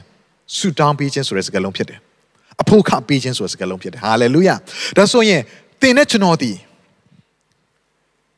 intercessor ဖြစ်ဖို့ ဂျားခံဆူတောင်းတော်သူဂျားခံပေးတော်သူဖြစ်ဖို့ရလုံကဘုရားသခင်လိုတော်ရှိရခုနကကျွန်တော်ပြောသွားပြီယေရှုခရစ်တော်ကဘုရားသခင်နဲ့ကျွန်တော်တို့ရဲ့ဂျားထဲမှာယက်တီပေးခြင်းအပြင်ဘုရားသခင်ကျွန်တော်တို့ဒီပေါင်းဆက်ရသောအခွင့်ကိုရတဲ့ကဲ့သို့ယနေ့မှလည်းပဲသင်ကိုဘုရားသခင်ဒီခရစ်တော်ကိုရထားသောသင်အပြင်တိုင်းနိုင်ငံနဲ့ဘုရားသခင်ကြားထဲမှာမိသားစုနဲ့ဘုရားသခင်ကြားထဲမှာမြို့ရွာနဲ့ဘုရားသခင်ကြားထဲမှာအသင်းတော်နဲ့ဘုရားသခင်ကြားထဲမှာပေါင်းဆက်ဖို့ရန်လုံက သင်ကိုပေးထားတာဖြစ်တယ်။သင်ကိုဒီလောကမှာဖြစ်ပွားစေတာဖြစ်တယ်။သင်ကိုဒီလိုခေါ်ထားတာဖြစ်တယ်။ဟာလေလုယ။အဲ့တော့သင်နဲ့ကျွန်တော်ဒီဂျားခံပေးတော်သူများဖြစ်ဖို့ရန်အတွက်ကျွန်တော်ရဲ့အသက်တာများကိုပြင်ဆင်ဖို့ရန်အတွက်အရေးကြီးပါတယ်။အဲ့တော့ခုနကပြောသွားတဲ့အရာထဲမှာနှစ်ဦးနှစ်ယောက်ကြားထဲမှာအဖို့ခပေးပြီးရက်တီပေးရတဲ့အရာကလွယ်တဲ့အရာတော့မဟုတ်ဘူး။နှလုံးသားတွေကပါလျက်တစုံတစ်ခုရဲ့ဂျားတွေကနေပြီးတော့မှဂျားခံပေးပြီးတော့မှ reconciliation လို့ခေါ်တဲ့နော်ပြန်လည်သင့်မြတ်ခြင်းအမှုဆိုရင်အမှုရာကိုလှုပ်ဆောင်ပေးရသောသူတွေဖြစ်တယ် ပြန်လည်သင့်မြတ်ခြင်းမှုရာကိုဖော်ဆောင်ပေးရသောသူတွေဖြစ်တယ်အဲ့တော့လူနှစ်စုရှိလိမ့်မယ်အာနေသောသူနဲ့အာကြီးသောသူအဲ့တော့အာနေသောသူဘက်ကနေရက်တီပေးပြီးတော့မှအကူကြီးဖေးမဖို့အကူကြီးလိုတဲ့သူတွေဘက်ကနေရက်တီပြီးကူကြီးဖေးမဖို့ရန်လို့ငါဒါက intercessor ရဲ့အလုပ်ဖြစ်တယ်ဂျားခံသောသူတွေရဲ့အလုပ်ဖြစ်တယ်ဂျားခံဆူတောင်းခြင်းဆိုတဲ့အရာကလေကျွန်တော်တို့ဆူတောင်းလိုက်တဲ့ခါမှာကျွန်တော်တို့ကိုဘုရားသခင်ရှေ့ကိုပို့ဆောင်ပေးတယ်ကိုရောကျွန်တော်ဒီကိစ္စဒီလိုမျိုးဖြစ်နေကျွန်တော်ရဲ့တိုင်းနိုင်ငံမှာကျွန်တော်ရဲ့မြို့ရွာမှာ ကျွန်တော်ရဲ့မိသားစုထဲမှာကျွန်တော်ရဲ့အသင်းတော်ထဲမှာဒီလိုဖြစ်နေတယ်ဘုရားခင်ရှေ့ကိုကျွန်တော်ရောက်သွားတယ်အဲ့တော့ဘာဖြစ်လဲဘုရားခင်လက်တော်လှုပ်ရှားခြင်းကျွန်တော်ခံစားရတယ်ကျွန်တော်ရဲ့ဂျားကန်ဆူတောင်းကြဘုရားခင်ရှေ့တစ်ခုတည်းဟုတ်တာပို့တာမဟုတ်ဘူးနော်လူတွေစီကိုလည်းပို့တယ်ဆိုတဲ့သဘောတရားဒီဒီလူတွေအတွက်အကူအညီလိုနေတဲ့အရာကိုနှုတ်အားဖြင့်ဆူတောင်းပေးအောင်တတ်တတ်မဟုတ်ဘဲနဲ့လက်တွေ့ကြတဲ့ကုညီဖေးမမှုအားဖြင့်ကုညီဖေးမဖို့ရလုံကဘုရားခင်လိုတော့ရှိတယ်။ထိုမှအတန်လည်းကျွန်တော်တို့ကဂျားခံတော်သူရဲ့ပုံတံပြည့်ပြည့်သောနော်ပုံစံကိုဖော်ပြနိုင်တော်သူတွေဖြစ်တယ်။ ဒါကြောင့်ကျွန်တော်မြန်မာနိုင်ငံမှာတော့နော်ဂျားခံဆူတောင်းခြင်းနဲ့ပတ်သက်တဲ့အရာကအကျွမ်းတဝင်ဖြစ်နေတဲ့အရာဖြစ်တယ်မထူးဆန်းတဲ့အရာဖြစ်တယ်။ဒါပေမဲ့များသောအားဖြင့်ကျွန်တော်တို့မေ့လျော့သွားတဲ့အကြောင်းအရာလေးရှိတယ်။အဲ့ဒါကတော့ဆူတောင်းပေးခြင်းအားဖြင့်ပဲကြည်နဲ့သွားကြတာ။ကိုရောမဆာပါကိုရောမဆာပါတောက်လျှောက်ကျွန်တော်တို့နှလုံးသားပါလဲဆူတောင်းတယ်ဒါပေမဲ့တစ်ဖက်မှာဆူတောင်းခြင်းရဲ့အဖြေကလည်းတင်ကိုယ်တိုင်ဖြစ်တယ်ဆိုတော့မေ့လျော့သွားတတ်တယ်ဘာကိုဆိုလိုချင်တာလဲသူတပားအတွက်ဆူတောင်းပေးတယ်ဆိုရင်အဲ့သူတပားလိုအပ်နေတဲ့အကူအညီကိုပေးတော့သူကလည်းပဲတင်ကိုယ်တိုင်ဖြစ်ဖို့ရန်လို့ကဘုရားလိုတော့ရှိတယ် ဆူတောင်းပေးအောင်တက်တက်မဟုတ်တော့ तू ငွေကြေးလိုအပ်နေတယ်သင်ဆူတောင်းပေးနေတယ်အဲ့အအတွက်မဟုတ်တော့ဘူးအဲ့လောက်ပဲမဟုတ်တော့ဘူးသင်လက်ထက်မှာရှိနေတဲ့ငွေကြေးထဲကနေသူ့ကိုပြန်လဲ bless လုပ်ဖို့ပြန်လဲဝေမျှဖို့ရန်လို့ငါဘုရားခင်သင်ကိုခေါ်ထားတယ်ဒါကဂျားခံတော်သူတွေရဲ့လုပ်ရမယ့်အလုပ်ဖြစ်တယ်ဆူတောင်းပေးရုံတတ်တမဟုတ်တော့ဘူးလက်တွေ့ကြတဲ့ကုညီဖေးမမှုမျိုးနဲ့ပါဝင်ဖို့ရန်လုံကပြီးကမ်းဖို့ရန်လုံကဝေမျှဖို့ရန်လုံကကျွန်တော်ဆက်ပြီးလှုပ်ဆောင်ရမယ့်အရာဖြစ်တယ်နော်ကောင်းသောရှမာရိရဲ့ဥပမာလေးကျွန်တော်တွေ့ရပါလိမ့်မယ်လက်တွေ့ကြကြကူညီဖေးမှပေးတယ် လေထဲမှာပဲမဟုတ်တော့ဘူးလက်တွေ့ကြကြကူညီဖေးမှပေးတယ်အဲ့ဒါကဘုရားသခင်လိုချင်တဲ့ဂျားခံတော်သူရဲ့အယိုက်အရာဖြစ်တယ်အခြေအနေဖြစ်ပါတယ်ဟာလေလုယာအဲ့တော့ကျွန်တော်တို့ဒီဘုရားသခင်နဲ့လူတွေကြားထဲမှာဂျားခံရက်တီပြရတော်သူတွေဖြစ်တယ်အဲ့ဒါသင်ရဲ့ခေါ်ခြင်းဖြစ်တယ်ဆိုတော့ဒီနေ့ကျွန်တော်နားလည်စေချင်တယ်ဂျားခံရတော်သူတယောက်ရဲ့တာဝန်က reconciliation လို့ခေါ်တယ်ပြန်လည်သင့်မြတ်ခြင်းကိုဖော်ဆောင်ရတော်သူဖြစ်တယ်တိုင်းနိုင်ငံနဲ့ဘုရားသခင်ကြားထဲမှာမြို့ရွာနဲ့ဘုရားသခင်ကြားထဲမှာအသင်းတော်နဲ့ဘုရားသခင်ကြားထဲမှာနောက်ဆုံးနော်နှုတ်လူနှစ်ဦးရဲ့ကြားထဲမှာဒါမိသားစုအချင်းချင်းဖြစ်လိမ့်မယ် နော်ဇနီးမောင်နဲ့ခင်မွန်းတန်နဲ့ဇနီးတဲ့ကြားထဲမှာယက်တီပေးရတာဖြစ်လိမ့်မယ်ဒါအမိဘနဲ့သားသမီးကြားထဲမှာယက်တီပေးရတာဖြစ်ဖြစ်ကောင်းဖြစ်လိမ့်မယ်နော်ကျွန်တော်မိသားစုဝင်ချင်းချင်းညီကိုနဲ့မောင်နှမတွေကြားထဲမှာယက်တီပေးရတဲ့အရာဖြစ်ကောင်းဖြစ်လိမ့်မယ်ဘာဖြစ်သင်ယက်တီပေးခြင်းအဖြစ်ကွာဟနေတဲ့ကြားထဲမှာရှိနေတဲ့ gap တစ်ခုကိုကိုကယက်တီပေးပြီးမှဖြည့်ဆည်းပေးလိုက်တဲ့အရာကိုဘုရားသခင်မြင်ချင်တာဖြစ်တယ်။ဒါတော့ကျွန်တော်တို့ယက်တီပေးလိုက်တဲ့ခါမှာဂျားခံဆူတောင်းပေးလိုက်တဲ့ခါမှာလစ်ဟနေတဲ့အမှုရာနှစ်ခုကိုပြန်လည်ပြီးတော့မှ ပေါင်းကူတရားဖြစ်နေရှိစေပြီးပြန်လည်ပေါင်းစည်းသွားဖို့ရန်လုံကဘုရားသခင်လှုပ်ဆောင်တာဖြစ်တယ်။အဲ့တော့ကျွန်တော်ဒီနေရာမှာအရှိန်ပါသောဆူတောင်းခြင်းဆိုတဲ့အရာဒီနှလုံးသားရဲ့ဝင်တင်ခြင်းကနေလာတယ်ဆိုတဲ့အရာကျွန်တော်အဓိကအားဖြင့်ပြောချင်တာဖြစ်တယ်။အဲ့တော့နှလုံးသားတွေကနေဝင်တင်ခြင်းအပြင်ဆူတောင်းခြင်းမှုရာကိုတန်ရှင်သောဝိညာဉ်တော်ဘုရားကကိုကြီးဖေးမာတယ်ဆိုတဲ့အရာကိုတွေ့ရတယ်။အဲ့တော့ intercession ဆိုတဲ့စကားလုံးကိုဓမ္မသစ်ကျမ်းထဲမှာနော်၄ချိန်တွေ့ရတယ်နော်ယောမအခန်းကြီး၈အထက်မှာနှစ်ချိန်နော်ဟေပြက်အခန်းကြီး9မှာတစ်ချိန်တိမောသေဩရာဇာဒုတိယဆောင်မှာတစ်ချိန်ကျွန်တော်တွေ့ရတယ် အဲ့ဒီထဲကနေမှကျွန်တော်ယောမအခန်းကြီး၈အငယ်26 29เนาะဒီအပိုက်လေးကိုကျွန်တော်ဖတ်ချင်တယ်ဒီကျမ်းပိုက်လေးကျွန်တော်ဖတ်ချင်ပါတယ်ထိုမှတပါငါတို့မတက်နိုင်သောအရာမှာဝိညာဉ်တော်သည်မဆတော်မူ၏ငါတို့သည်ဆူတောင်းသင့်သည့်အတိုင်းဘယ်ဆုကိုဆူတောင်းရမည်ဟုမသိကြတို့ရာတွင်ငါတို့ဆူတောင်းခြင်းအမှုကိုနှုတ်မမွတ်နိုင်သောညီးတွားခြင်းအပြင်ဝိညာဉ်တော်သည်ဆောင်မတော်မူ၏ စိတ်နှလုံးကိုစစ်တော်မူသောသူသည်လည်းဝိညာဉ်တော်ဤစိတ်တဘောကိုသိတော်မူအကြောင်းမူကားဝိညာဉ်တော်သည်တန်ရှင်းသူတို့ဤဆုတောင်းခြင်းအမှုကိုဖျားသခင်ဤအလိုတော်နှင့်အညီဆောင်မတော်မူ၏အဲ့တော့တန်ရှင်းသောဝိညာဉ်တော်ဖျားကကျွန်တော်ရဲ့အထင်းမှာရှိနေတယ်သူကကျွန်တော်တို့ဆူတောင်းတဲ့ခါမှာဘယ်လိုဆူတောင်းမလဲမသိတော့တဲ့အချိန်မှာကျွန်တော်တို့ကိုကုညီဖေးမှပြီးတော့မှနှုတ်မမနိုင်တော့ညီးတွားကြပြန်ကုညီဖေးမှပြီးဆူတောင်းပဲဘာကိုပြောချင်လဲဆိုတော့ဝိညာဉ်တော်ဖျားကကျွန်တော်ရဲ့အထင်းမှာရှိနေဦးတာမဟုတ်ဘဲနဲ့ကျွန်တော်တို့အတွက်ဂျားခံပြီးဆူတောင်းပြီးတယ် ဘုရားသခင်အလိုတော်ရဲ့ညီဘဲစုကိုဆူတောင်းမယ်ဆိုဝိညာဉ်တော်ဘုရားကပေါ်ပြပြီးကုညီဖေးမှပြီးတနည်းအားဖြင့်သူကဂျားခံပေးတော်သူဖြစ်တယ်ကျွန်တော်တို့ကနေတစင်နှုတ်ကနေထွက်လာသောစကားလုံးတွေအပြင်ဘုရားသခင်ဒီမြင်ရတဲ့မြေကြီးမြင်ရတဲ့နယ်ပယ်ထဲမှာတက်ရောက်လာဖို့ရန်လုံကဝိညာဉ်တော်ကကုညီဖေးမှပြီးတော့မှကျွန်တော်တို့ကိုဆူတောင်းပေးတယ်ဆိုတဲ့အရာကိုတွေ့ရတယ်ချစ်တော်ကြီးကိုမောင်နှမတို့ဝင်းတင်တဲ့တော့နှလုံးသားကတန်ရှင်သောဝိညာဉ်တော်အဖြစ်ဖြစ်တယ်ဝိညာဉ်တော်ဖခင်ရဲ့ကုညီဖေးမှခြင်းရှိခြင်းအဖြစ်ကျွန်တော်တို့ဒီအရှိန်ကြီးသောဆူတောင်းခြင်းမျိုးကိုဆူတောင်းနိုင်တာဖြစ်တယ် ဟာလေလုယာအဲ့တော့ခုနကကျွန်တော်ပြောသွားပြီးယေရှုခရစ်တော်ကဂျားခံတော်သူဖြစ်တယ်တန်ရှင်တော်ဝိညာဉ်တော်ဘုရားကလည်းဂျားခံဆူတောင်းပေးတော်သူဖြစ်တယ်ဒါဆိုရင်ယေရှုခရစ်တော်အသွေးတော်အပြင်ကယ်တင်ခြင်းခံရပြီးဝိညာဉ်တော်ရတော်ဒီနေ့ကျွန်တော်ကဂျားခံဆူတောင်းတော်သူတွေဖြစ်တယ်ဟာလေလုယာအာမင်အာမင်ဟာလေလုယာအဲ့တော့မြင်ရတဲ့မျက်မှောက်မှာတော့ယေရှုခရစ်တော်ဆူတောင်းပေးတဲ့ယာယေရှုခရစ်တော်ရဲ့ဂျားခံပေးခြင်းကိုကျွန်တော်တို့မတွေ့ရဘူးသို့တော်လည်း ကျမ်းစာထဲမှာဗာတွေ့ရလဲကောင်းငင်မှာဘုရားသခင်ရဲ့ခမည်းတော်ဖခင်ရဲ့လက်ရဘက်မှာထိုင်ပြီးတော့မှကျွန်တော်တို့အတွက်တင့်အတွက်ကျွန်တော်အတွက်သူကဂျားခံပြီးဆူတောင်းပေးနေတယ် intercession လုပ်ပေးနေ intercede လုပ်ပေးနေတယ်ကျွန်တော်ညီကောင်မတို့တရှင်တော်ဝိညာဉ်တော်ဖခင်ကကျွန်တော်ရဲ့အထဲမှာကျွန်တော်ရဲ့အထဲမှာကင်းဝစ်ပြီးတော့မှကျွန်တော်တို့အတွက်ဆူတောင်းပေးကျွန်တော်ရဲ့အထဲကနေတဆင့်ဂျားခံဆူတောင်းပေးတယ်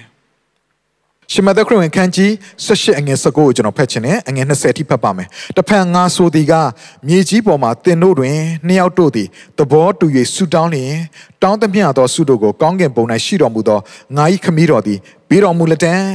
အကြောင်းမူကားအကျင့်ရ၌လူနှုတ်သုံးတို့သည်ငါ၏နာမကိုထောက်ရစီဝေးကြ၏ထိုရ၌သူတို့အလယ်မှာငါရှိသည်ဟုမိန်တော်မူ၏ဒီနေရာမှာဗာတွေ့ရလဲဆိုရင်လူနှစ်ယောက်တို့ကတဲ့ နော်သဘောတူပြီးတော့မှအချင်းချင်းသဘောတူပြီးဆူတောင်းရင်တောင်းသမျှသောဆုကိုဘုရားသခင်ကပေးမယ်တဲ့။ဘာကြောင့်လဲအဲ့ဒီအရာမှာဘုရားသခင်ရှိတယ်တဲ့။ဒါဆိုနားလဲပါနော်။သင်ဆူတောင်းပြီဆိုဘုရားသခင်ရှိလာ။ဘုရားသခင်ဆင်းကြွလာတယ်။ဘုရားသခင်ဆင်းကြွလာဆိုဘာပါလာပြီလဲ။မုန်တိုင်းကဲ့သို့အရှင်တကူကပါလာပြီ။အဲ့ဒီအရာတွေကရန်သူရဲ့မျိုးမျိုးပြတွေကိုဖျက်ဆီးစေတယ်။ကျိုးပြတ်စေတယ်။ အစီတာတွေကိုလမ်းရှင်းစေတယ်။နေပယ်လေထုကိုတန်ရှင်းစေတယ်။ဟာလေလုယာ။ဒါကြောင့်သင်ကအဲ့လိုဆူတောင်းတဲ့အခါမှာဒါပေမဲ့ဒီညဘာရေးထားလဲဆိုသဘောတူလျက်တဲ့လူနှုတ်သုံးကဆူတောင်းတဲ့အခါမှာအရှိန်ကြီးတဲ့ဆူတောင်းခြင်းဖြစ်ပြီးတော့မှတကိုးပါလာတယ်။အဲ့တော့ဒီညမှာသဘောတူလျက်ဆိုစကားလုံးတွေ့ရတယ်။ဘာကိုသဘောတူရမှာလဲ။ယေရှုပြုတ်ခဲ့ပြီးတဲ့အရာကငါအတွက်ဖြစ်တယ်။ဆိုတဲ့အရာကိုသဘောတူရတယ်။ သင်ဆူတောင်းတိုင်းဆူတောင်းတိုင်းမှာဂျာကန်ဆူတောင်းတာဖြစ်ဖြစ်သင်ရဲ့ personal ဆူတောင်းတာပဲဖြစ်ဖြစ်သင်ဆူတောင်းတိုင်းမှာယေရှုခရစ်တော်ပြုခဲ့တဲ့အမှုရာယေရှုခရစ်တော်ပြုခဲ့တဲ့ခြေဆုတော်ကိုသဘောတူဝန်ခံခြင်းနဲ့သင်ဆူတောင်းမှာဖြစ်တယ်ယေရှုခရစ်တော်ဘာပြုခဲ့တာလဲစာတန်ရဲ့ဥကောင်းကိုချိုးဖြတ်ပြီးခြေခြေဖြတ်ပြီးတော့မှနော်နင်းခြေပြီးတော့မှမောင်မိုက်တကူအလုံးကိုချိုးဖြတ်ပြီးတော့မှအောင်ပွဲကိုခံယူခဲ့တာဖြစ်တယ် အဲ့ဒီအောင်ပွဲကငါနဲ့ဆိုင်တယ်ငါရဲ့မိသားစုနဲ့ဆိုင်ငါရဲ့တိုင်းနိုင်ငံနဲ့ဆိုင်တယ်ငါရဲ့မြို့ရွာနဲ့ဆိုင်တယ်ဆိုတဲ့အရာကိုသင်ကသဘောတူဝန်ခံပြီးနှုတ်ကနေပြီးမှမိသားစုအတွက်တော်၎င်းမြို့ရွာအတွက်တော်၎င်းအသင်းတော်အတွက်တော်၎င်းတိုင်းနိုင်ငံအတွက်တော်၎င်းဝန်ခံကြွေးကြော်ကြီးညာလိုက်တဲ့ခါမှာအဲ့ဒီအရှိန်တကိုးကမြေကြီးပေါ်မှာတက်ရောက်လာပြီးတော့မှမြင်ရတဲ့နေပယ်ထဲမှာပေါ်ပေါက်လာတယ်ဟာလေလုယဘုရားနာမတော်ပုံကြည်ပါစေဒါကြောင့်သင်ဆူတောင်းထဲမှာဒီဟာကိုသတိရစေလိုတယ်အဲ့ဒါကတော့ယေရှုခရစ်တော်ပြုခဲ့တဲ့အမှုရာ ဝန်ခံသဘောတူအမိန်ပေးကြီးညာပြီးတော့မှငါအတွက်ဖြစ်တယ်ငါတိုင်းနိုင်ငံအတွက်ဖြစ်တယ်ငါမိသားစုဖြစ်တယ်ဆိုတာကိုနှုတ်ကနေဝန်ခံဖို့အတွက်အရေးကြီးတယ်အဲ့တော့ဘုရားသခင်ရဲ့လက်တော်လှုပ်ရှားလာဖို့ရန်အတွက်အရှိန်တကူပါသောဆူတောင်းချက်ကိုဆူတောင်းတဲ့အခါမှာဆူတောင်းတဲ့အခါမှာဘုရားသခင်ကမုန်တိုင်းကိုဖြစ်စေပြီးဆင်းကြွလှုပ်ရှားလာတယ်အဲ့လိုဆင်းကြွလှုပ်ရှားလာပြီဆိုရင်ရန်သူရဲ့နော်တကားတွေပျက်စီးရတယ်စီးတားထားတဲ့အရာတွေပျက်စီးရတယ်သူတို့ရဲ့ခြေကုပ်စကန်တွေပျက်စီးရတယ်အဲ့တော့ဒီလောကမှာရန်သူစာတန်ကရန်သူက မောင်မိုက်တကူအဖြစ်တိဆောက်ထားတဲ့မျိုးမျိုးပြတွေဆိုတာရှိပါတယ်မြင်မမြင်ရတဲ့နေပင်မှာတိဆောက်ထားတဲ့မျိုးမျိုးပြတွေရှိတယ်အဲ့ဒီမျိုးမျိုးပြတွေရှိတဲ့အခါမှာ ဘုရားသခင်ရဲ့တရင်စကားသူတို့မကြားနိုင်ဘူးဘုရားရဲ့မြတ်တော်မခံစားနိုင်ဘူးဘယ်ကမှန်လဲဘယ်ကမှားလဲမပိုင်းခြားနိုင်တော့ဘူးဆိုတော့ဒီယာကဘာကြောင့်လဲဆိုစာတင်ရဲ့မျိုးမျိုးပြတွေကြောင့်ဖြစ်တယ်တိဆောက်ထားတဲ့ယာခြေကုပ်ယူထားတဲ့စခန်းတွေကြောင့်ဖြစ်တယ်အဲ့ဒီယာတွေကိုကျွန်တော်ဘာလုပ်ရမလဲအဲ့ဒီယာကိုဖြိုဖျက်နိုင်တဲ့ယာကမုံတိုင်းဖြစ်တယ်အဲ့ဒီယာကိုဖြိုဖျက်နိုင်တာလေမုံတိုင်းဖြစ်တယ်အဲ့လိုလေမုံတိုင်းကဘယ်ချိန်မှရောက်လာလဲကျွန်တော်အရှိန်ပါတော့ဆူတောင်းခြင်းနဲ့ဆူတောင်းတဲ့ခါမှာရောက်လာတာဖြစ်တယ် ဟာလေလုယာဒါကြောင့်ချစ်တော်ညီကိုမောင်မတို့အရှိန်ပါသောဆူတောင်းခြင်းနဲ့ဆူတောင်းတဲ့ခါမှာအဲ့ဒီຢာကတကူပါသောအရာဖြစ်လာပြီးမမြင်ရတဲ့နယ်ပယ်မှာရန်သူရဲ့စာနယ်မျိုးရိုးတွေမျိုးရိုးမျိုးပြစာနယ်ရဲ့မျိုးမျိုးပြတွေအားလုံးကိုဖြိုဖျက်ပြီးတော့မှအကျိုးရလက်ကိုမြင်ရတဲ့နယ်ပယ်မှာပေါ်ပေါက်ခြင်းကိုကျွန်တော်ခံစားရတာဖြစ်တယ်ဟာလေလုယာဘုရားနာမတော်ဘုန်းကြီးပါစေအဲ့တော့ခုနကကျွန်တော်ပြောသွားတဲ့အရာမှာဂျာကန်ဆူတောင်းခြင်းဆိုတဲ့စကားလုံးဒီ Latin စကားနှလုံးကိုအားဖြင့်ကျွန်တော်လေ့လာခဲ့တယ်ဒီနေရာမှာကျွန်တော်ထပ်ပြီးတော့မှဖော်ပြခြင်းတဲ့အရာက Hebrew စကားလုံးဖြစ်တယ်အဲ့ဒီစကားလုံးက intercede intercession ဆိုတဲ့အရာကို ဖာဂါဆိုတဲ့စကားလုံးအပြင်ဖော်ပြထားတယ် PHG ဖာဂါဆိုတဲ့စကားလုံးအပြင်ဖော်ပြထားတယ်အဲ့တော့ဖာဂါဆိုတဲ့စကားလုံးကဘာလဲဆိုရင်တွေးဆုံတာ to meet ပြီး to light upon เนาะထွန်းလင်းတာတစုံတစ်ခုပေါ်မှာအလင်းထွန်းလင်းတာတစ်ခုခုကတစုံတစ်ယောက်ပေါ်မှာပြုတ်ကျလာတာပြီး attack လုပ်တာเนาะတိုက်ခိုက်တာ strike down လုပ်တာဖြိုဖျက်တာချိုးဖျက်တာနောက်ပြီးတော့မှဖျက်ချတာမျိုးနောက်ပြီးတော့မှ strike the mark เนาะအမှတ်ပေးတဲ့အချိန်အမှတ်ပေးတဲ့နေရာပြလိုက်တဲ့နေရာကိုထိထိရောက်ရောက်ဖြိုခွင်းလိုက်တာမျိုးပြစ်ခတ်လိုက်တာမျိုးကို နော်ဒါ Hebrew စကားလုံးရဲ့အတိတ်အတိတ်ပဲ Parker ဆိုတဲ့အတိတ်ပဲကအဲ့လိုအတိတ်ပဲဖြစ်ပါတယ်ဒါကြောင့်ချစ်တော်ညီကောင်မတို့ intercede လုပ်တဲ့ခါမှာ intercession လုပ်တဲ့ခါမှာသင်ကြားခံပြီးဆူတောင်းလိုက်တဲ့ခါမှာဘုရားသခင်ရှေ့မှောက်မှာသင်ကဒီနေရာကိုဖြိုဖျက်ဖို့ရလို့ကအမှန်ပေးလိုက်တယ်လို့ပဲအဲ့ဒီနေရာကိုတိတိကျကျဘုရားသခင်ကဖြိုခွင်းတယ်ဆိုတဲ့အရာတွေ့ရတယ် strike down ဒီအကိုကျမ်းစာထဲမှာဓမ္မရာဆိုရင်အာပရမဆောင်အခန်းကြီး20နဲ့ဓမ္မရာဆိုရင်ဒုတိယဆောင်အခန်းကြီး1မှာတိုက်ပွဲဖြစ်ပျက်တဲ့အခြေအနေကိုဖော်ပြတဲ့နေရာမှာဒီ Parker ဆိုတဲ့စကားလုံးကိုသုံးထားတယ်။ရန်သူရဲ့တက်ကိုဖြိုခွင်းသွားတဲ့အရာကိုဖော်ပြတဲ့စကားလုံးမျိုးဖြစ်တယ်။အဲ့တော့ဘာကိုဒီနေရာမှာပေါ်တွေ့ရလဲဆိုရင်တင်းရဲ့ဆူတောင်းခြင်းကစစ်မြေပြင်တစ်ခုမှာအဝေးကနေပြီးမှနော်လက်နဲ့ကြီးနဲ့အမြောက်နဲ့ပြစ်မှတ်ကိုတိတိကျကျလှမ်းပြီးပြစ်ပေးတာနဲ့တူတယ်။ဟာလေလုယ။တင်းရဲ့ဆူတောင်းခြင်းက အနောက်ကနေပြီးမှအမြောက်ကြီးနဲ့ပေါ့နော်တကယ်လက်နဲ့ကြီးနဲ့ပစ်ပေးတဲ့ပုံစံမျိုးဖြစ်တဲ့စစ်မြေပြင်မှာတင်းရဲ့မိသားစုအတွက်သင်ဆူတောင်းလိုက်တဲ့ခါမှာအဲ့ဒီပုံမှာသင်ကညွန်ပြလိုက်တယ်လို့စစ်မြေပြင်မှာအမြောက်နဲ့ပြစ်ဖို့ရန်လုံကဘယ်ပြစ်ကွင်းကိုပြစ်ရမလဲဘယ်ပေါ်မှာပြစ်ရမလဲဆိုတာကို ရှေ့မှာရှိနေတဲ့တယောက်ကလှမ်းပြီးညွှန်ပြတဲ့အရာကိုပေါ့မှာတိတိကျကျပြစ်တဲ့ကဲတော့သင်ကသင်ရဲ့မိသားစုအတွက်ကိုရည်ရွယ်ပြီးဆူတောင်းနေဆိုရင်သင်ရဲ့ဇနီးမောင်နှံကြားထဲမှာရည်ရွယ်ပြီးဆူတောင်းနေဆိုရင်သင်ရဲ့တိုင်းနိုင်ငံအတွက်ရည်ရွယ်ပြီးဆူတောင်းနေဆိုရင်အဲ့ဒီပုံမှာဘုရားသခင်လှုပ်ရှားပါဘုရားသခင်တက်ရောက်ပါဆိုတဲ့အရာကိုပြလိုက်တယ်လို့ပဲဘုရားသခင်အရှိန်ဟုန်နဲ့တကူပါခြင်းနဲ့နမိတ်လက္ခဏာတကူနော်ပြုပြင်ပြောင်းလဲခြင်းတကူတော့အဲ့ဒီနေရာပေါ်မှာတက်ရောက်လာပြီးတော့မှပြောင်းလဲခြင်းကိုဖြစ်စေမယ်နမိတ်လက္ခဏာကိုမြင်တွေ့ရသောခွင့်ကိုဘုရားသခင်ပြင်ဆင်ပေးမှာဖြစ်တယ်ဟာလေလုယဒါကြောင့်ချစ်တော်ညီကိုမောင်တို့ဂျားခံတော်သူရဲ့အသက်တာ ဖြစ်ဖို့ရန်လုံကသင်ကိုခေါ်ထားတာဖြစ်တယ်။သင်ရဲ့ဂျားခံဆူတောင်းခြင်းကလေမုန်တိုင်းကဲ့သို့သောအရှင်တကိုးပါဖို့ရန်လုံကနှုတ်ကိုပိတ်ထားခြင်းမဟုတ်တော့ဘဲနဲ့နှုတ်ကိုဖွင့်လျက်ဝိညာဉ်တော်ဘုရားရဲ့ကုညီဖေးမှခြင်းကိုခံယူပြီးတော့မှဝိညာဉ်တော်ဘုရားဥဆောင်လမ်းပြတဲ့အတိုင်းနှလုံးသားပါလျက်အရှိန်ပါလျက်ဆူတောင်းဖို့ရန်လုံကယနေ့သင်ကိုကျွန်တော်နှိုးဆော်ပြရစီ။ဒါကြောင့်ချစ်တော်ညုံမောင်တို့အချိန်ကိုပေးပါ။ဘုရားနဲ့အချိန်နော်ဆူတောင်းတဲ့အချိန်ကိုခဏလောက်အချိန်ပေးပြီးတော့မှဆူတောင်းပါ။အဲ့လိုဆူတောင်းရင်ဝိညာဉ်တော်ဘုရားကိုနေရာပေးပြီးတော့မှ နှုတ်မပိတ်ထားဘဲနဲ့ငြိမ်သက်စွာနဲ့ဆူတောင်းခြင်းမဟုတ်ဘဲနဲ့တင့်နာကပြန်ကြားတဲ့အထိအမိန်ပြေးကြီးညာခြင်းမျိုးနဲ့အရှိန်ပါသောဆူတောင်းခြင်းမျိုးနဲ့အခြားသောဘာစကားနဲ့ဆူတောင်းခြင်းမျိုးနဲ့သင်ဆူတောင်းပွင့်လို့ကျွန်တော်နှိုးဆော်ခြင်းတယ်နောက်ဆုံးချက်လေးကျွန်တော်ပြောပြခြင်းတယ်ဂျားခံတော်သူတယောက်ရဲ့ဆူတောင်းခြင်းအရေးကြီးတယ်လို့ပဲဂျားခံတော်သူတယောက်ရဲ့ဆူတောင်းခြင်းတွေမှာပါဝင်တဲ့ဂျားခံတော်သူတယောက်ရဲ့အသက်တာကလည်းအရေးကြီးတယ်ဆိုတဲ့အရာလေးကိုကျွန်တော်တင်အောင်ပေါ်ပေါ်ပြခြင်းတယ်နော်ထွတ်မြောက်ခြင်းခန်းကြီး30အငယ်9 10ကိုကျွန်တော်ဖတ်ခြင်းတယ်ကိုအထိကျွန်တော်ဖတ်ပါမယ် အာရုံသည်နက်နက်တိုင်းမိခွက်တို့ကိုပြင်သောအခါထိုပလင်ပေါ်မှာမွေးသောနန့်တာပေါင်းကိုရှို့ရမည်အငယ်ရှစ်မှာညညဦးရန်၌လည်းမိခွက်တို့ကိုထွန်းသောအခါထိုပလင်ပေါ်မှာနန့်တာပေါင်းကိုရှို့ရမည်ထို့သောသင်တို့သားစဉ်မိဆက်တို့သည်ထောရဖျားရှေ့တော်၌အစဉ်မြဲပြုရသောနန့်တာပေါင်းရှို့ခြင်းဖြစ်သည်တွဲမြောက်ကြံခန်းကြီး30ငယ်9မှာထိုပလင်ပေါ်မှာထူးခြားသောနန့်တာပေါင်းကိုမရှို့ရမိရှို့သောရစ်ကိုမပြုရ ဘောစင်ပူဇော်တက်ကကိုလည်းမပြုရသွန်းလောင်းရပူဇော်တက်ကကိုလည်းမပြုရဒီနေရာမှာဗာရေးဗာရေးထားလဲနတ်တာဘောင်းကိုမိရှုဖို့ရန်လို့ငါဘုရားသခင်ကခိုင်းထားတယ်ဘုရားသခင်ရှေ့မှောက်မှာပလင်ပေါ်မှာနတ်တာဘောင်းကိုရှို့ရတယ်အဲ့ဒါကအာရုံလုပ်ရတဲ့အလုပ်ဖြစ်တယ်အဲ့တော့နတ်တာဘောင်းရှို့ခြင်းဆိုတဲ့အရာကယေဘရဟိတ်လုပ်ရတဲ့အလုပ်ဖြစ်တယ်ဒါဆိုနတ်တာဘောင်းဆိုတဲ့အရာကဘုရားသခင်ရှေ့မှောက်မှာ ဂျားခံဆူတောင်းခြင်းဖြစ်တယ်။ဒါလေးကိုသိဖို့ရန်လုံကနော်ပါဝင်တဲ့ပစ္စည်းလေးတွေကိုကျွန်တော်တို့ကြည့်တဲ့အခါမှာပိုပြီးရှင်းလင်းပါလိမ့်မယ်။ထွတ်မြောက်ကြခန်းကြီး30နော်ဒီအခန်းကြီးထဲမှာပဲနောက်ထပ်34 35ကျွန်တော်ဖတ်ကြည့်မယ်ဆိုရင်တဖန်ထာဝရဘုရားသည်မောရှေအားမိန့်တော်မူသည်ကမွေးသောနတ်သားမျိုးတည်းဟူသောနတ်တဆေမွေးသောငါးခွန်ဂါလဘန်စေစင်သောလာဘန်စေတို့ကိုအညီအမျှချိန်ယူ၍စေသမအတက်နှင့်နှာစေးကိုဖော်တက်သည့်နီးတူယောနှော၍တန်ရှင်းသောတန်ရှင်းစင်ကြယ်သောနတ်သားပေါင်းကို ဖော်ရမည်အဲ့တော့ဒီကျမ်းပိုက်ထဲမှာပါတွေ့ရလဲဆိုရင်ပါဝင်ပစ္စည်း၄မျိုးကိုတွေ့ရတယ်နတ်သားပေါင်းဖော်ဖို့ရန်ဒီ၄မျိုးကပါဝင်ရတယ်အဲ့ဒီကနတ်တဆေးမွေးသောငါးကွန်ဂါလဘန်ဆေးနဲ့လော်ဘန်ဆေးဖြစ်တယ်နတ်တဆေးဆိုတာဘာကိုပြောတာလဲဆိုရင်ဒီနတ်တဆေးကနော်အခောက်သေးကနေဒစိမ့်စိတ်ထွက်လာတဲ့အပင်စီအခောက်သေးကနေဒစိမ့်စိတ်ထွက်လာတဲ့တစ်ပင်အဆေးဖြစ်တယ်အဲ့ဒီအဆေးကိုယူပြီးတော့မှဖော်ရတယ်အဲ့ဒီဆေးကမွေးတဲ့အနံ့ရှိတယ်ဒါဆိုဒီတစ်ပင်အဆေးကဘယ်နေရာမှာရလဲဆိုရင်စီရာပြည်ထဲမှာ စီးရီးယားပေါ့ဒီစီးယားပြည်ထဲမှာပေါက်တဲ့အပင်တွေစီးယားပဲရတယ်ဒါဆိုဣသရေလလူမျိုးတွေကဒီအစီးကိုရဖို့ဆိုရင်ရန်သူနယ်မြေတဲ့ကိုဝင်ရောက်ပြီးတော့မှအဲ့စီးကိုရယူရတယ်ချစ်တော်ညီကောင်မောင်တို့တင်းနဲ့ကျွန်တော်ရဲ့အသက်တာဒီလည်းပဲစာရန်အုပ်စုတဲ့ဒီလောကထဲမှာဘုရားခင်ထည့်ထားတယ်ရန်သူရဲ့နေပေထဲမှာထည့်ထားတယ်တင်းရဲ့အသက်တာမှာရန်သူရဲ့နေပေတဲ့ကိုဝင်ရောက်ပြီးတော့မှဘုရားခင်သိမ့်ပိုက်စေလို့တဲ့နှစ်သက်စီးကိုတင်းသိမ့်ပိုက်ရမှာဖြစ်တယ်ဟာလေလုယာနှစ်သက်စီးဆိုတဲ့အရာကပင်စီအခောက်ထဲကနေဒစိမ့်စင်ဒစိမ့်စင်ထွက်လာတဲ့ကဲ့သို့ဒီနေ့တင့်ထဲမှာ နှုတ်ကပတ်တော်ကိုသင်တုံမိတဲ့ခါမှာနှုတ်ကပတ်တော်ဖခင်ရဲ့စကားတော်ကိုသင်တုံမိခြင်းအပြင်အဲ့ဒီဖခင်ရဲ့စကားတော်ကနေတစင်သင်ရဲ့အသက်တာတွေကနေစိတ်ဝင်ပြီးတော့မှစီးထွက်လာတဲ့ຢာကတော့ prophet ပြုတဲ့ prophet ပြုချက်တွေအားဖြင့်ဖြစ်တယ်။ဒါဆိုရင်သင်ဆူတောင်းတဲ့ခါမှာနှုတ်ကပတ်တော်ကိုအခြေပြုလျက်နှစ်တစေးကဲ့သို့သော prophet ပြုချက်တွေအားဖြင့်ဒီလေတူတဲ့ကိုထုတ်လွှတ်ပြီးတော့မှတိုင်းနိုင်ငံအတွက်တော်၎င်းမိသားစုအတွက်တော်၎င်းဆူတောင်းဖို့ရန်လိုတာဘုရားသခင်လိုတော့ရှိတယ်။ ဟာလေလုယာ prophet ပြုချက်ဘယ်ကလာတဲ့ prophet ပြုချက်လဲနှုတ်ကပတ်တော်ပေါ်မှာရက်တည်ပြီးနှုတ်ကပတ်တော်မှာအခြေပြုတဲ့ prophet ပြုချက်တွေအပြင်တိုင်းနိုင်ငံကိုဆူတောင်းကောင်းကြီးပေးဖို့ရလုံကဒါ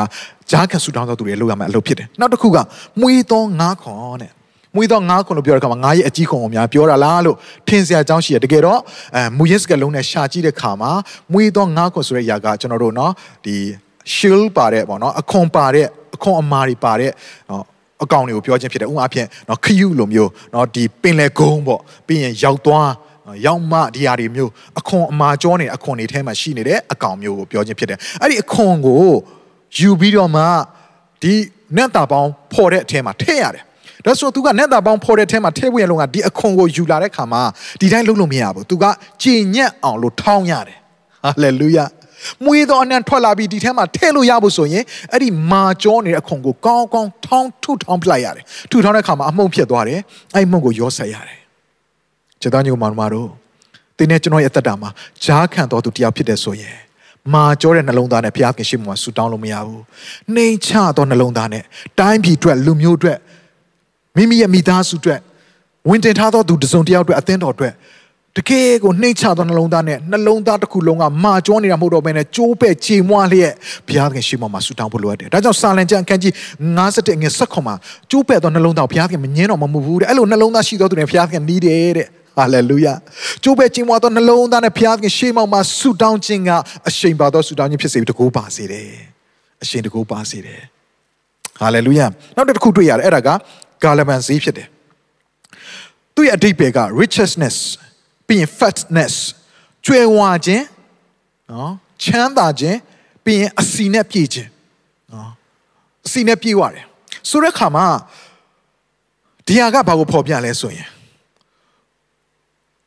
တန်ရှင်သောဝိညာဉ်တော်အဖြစ်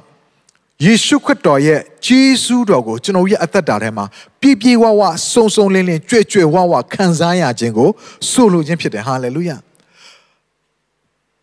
သင်ရဲ့ဆုတောင်းခြင်းအပြင်သင်ထဲမှာထည့်ထားတဲ့ယေရှုခရစ်တော်ရဲ့ဂျေဇုတော်သည်တန်ရှင်သောဝိညာဉ်တော်အပြင်တာ၍ပြည့်စုံစေပြီးအဲ့ဒီဂျေဇုတော်ပြည့်စုံခြင်းကတိုင်းနိုင်ငံတွေကိုစီစဉ်သွားဖို့သင်ရဲ့ဆုတောင်းခြင်းအပြင်မိသားစုတွေကိုစီစဉ်သွားဖို့